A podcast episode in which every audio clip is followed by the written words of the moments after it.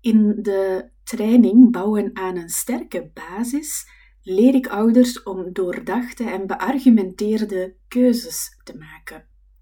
En in deze aflevering wil ik je even vertellen hoe we dat doen en wil ik je ook nog een gedachte meegeven waar jij over kan reflecteren, keuzes in kan maken.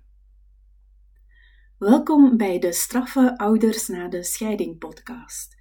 Ik ben Anne Brems, ik ben systemisch counselor en ik help ouders in een complexe scheiding om handvatten te vinden zodat ze met vertrouwen hun kinderen kunnen helpen doorheen de complexe scheiding. Zodat niet meer de angst en de machteloosheid regeert, maar dat er rust en kracht komt. In de intro zei ik het al, ik leer ouders om zelf keuzes maken. Ik zeg nooit wat zij moeten doen, zo moet het en niet anders. Ik geef het heft in hun handen. Ik deel dan mijn visie, mijn ervaring vanuit mijn opleiding en zij gaan dat dan combineren met hun eigen ervaring en expertise als ouder. Op die manier bouwen ze dan samen met mij en andere ouders de handvatten op voor hun specifieke situaties. Daarin zijn drie dingen echt super belangrijk die ik jou wil meegeven, die wij altijd hier bij Glinster doen. Dat is één, we gaan stap voor stap. Het gaat niet allemaal in één keer. Twee, we wisselen met elkaar van gedachten uit. Dus niet alleen de ouders met mij, maar de ouders ook met elkaar. En ten derde, ouders nemen zelf keuzes. Ze gaan zelf dingen gaan uitproberen, daarin gaan ze voelen, ervaren. Op deze basis bouwen we dan stapje voor stapje de structuur van parallel ouderschap op. Ouders ontdekken dan samen met mij en andere ouders wat werkt en wat niet werkt in hun specifieke situaties. En zo gaat de structuur de structuren van solo- en parallel ouderschap echt kunnen werken voor hen. Zonder die basis, basis, dat is mijn ervaring, kan men niet echt aan parallel ouderschap doen. Dat heb ik zelf ook gemerkt als hulpverlener toen ik in het begin parallel ouderschap deed. Zonder die basis is het gewoon slechts een methode, een oplapmiddel.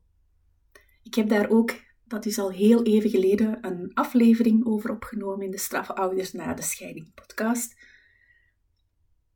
Ouderschap is geen methode die je toepast.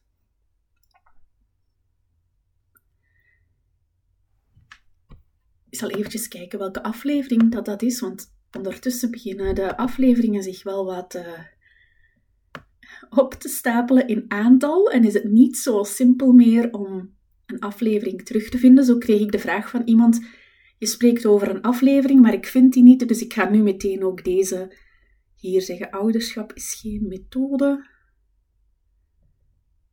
Dat is aflevering.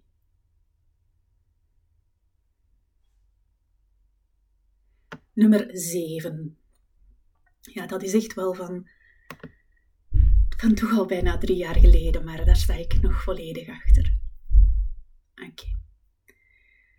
Ik heb een blog geschreven, vijf belangrijke inzichten waardoor je begrijpt wat parallel ouderschap is. En ik wil het vandaag met jou hebben over het derde inzicht in die blog. Ik wil je daar enkele gedachten over meegeven, zoals ik ook doe met ouders in het begin van een training. En waar ik ze dan over leer reflecteren waar ze keuzes in maken en waar ze ervaringen bij opdoen. Het derde inzicht is: parallel ouderschap is goed voor de kinderen. Parallel ouderschap op een goede manier opgezet is goed voor de kinderen.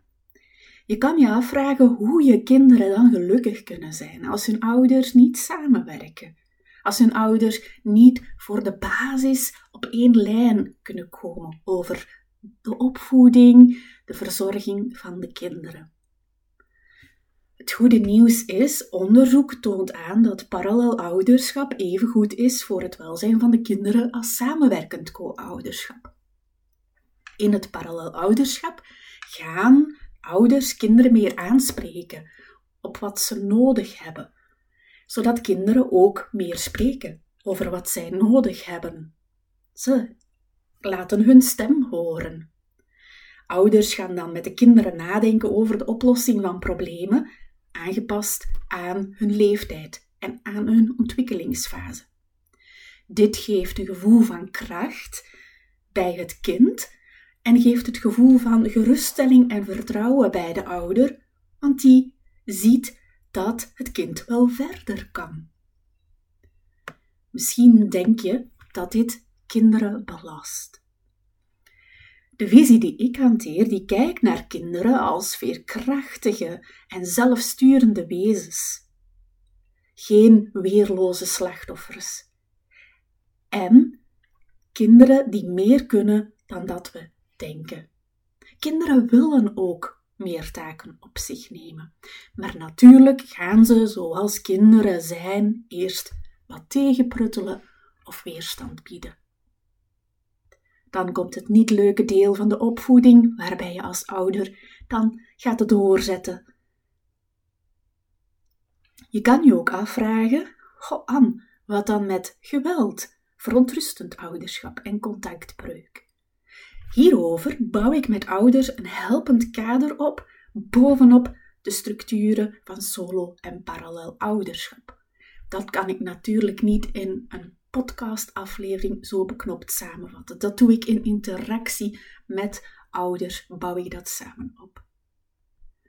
Dus ik wil je uitnodigen om over de gedachten die ik net heb gedeeld over parallel ouderschap is goed voor de kinderen, om daarover te reflecteren, om daar keuzes in te maken, om te spreken met anderen daarover en ja, dingen gaan uit te proberen en te gaan kijken wat voor effect heeft dat nu precies. Werkt het? Werkt het niet? Wat, kom ik dan tegen? En hoe kan ik die dingen dan overwinnen of daar anders naar kijken en wat omdenken?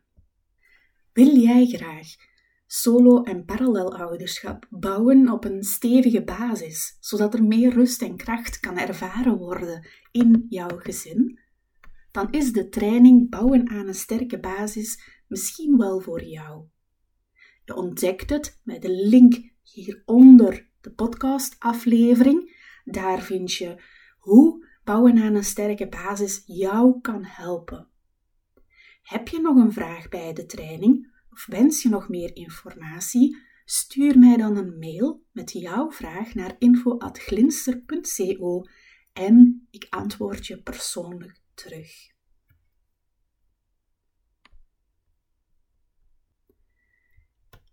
In de volgende aflevering wil ik het met jou hebben over het vierde inzicht dat ik daar dan deel. En dat is, ja, dan moet ik weer gaan kijken.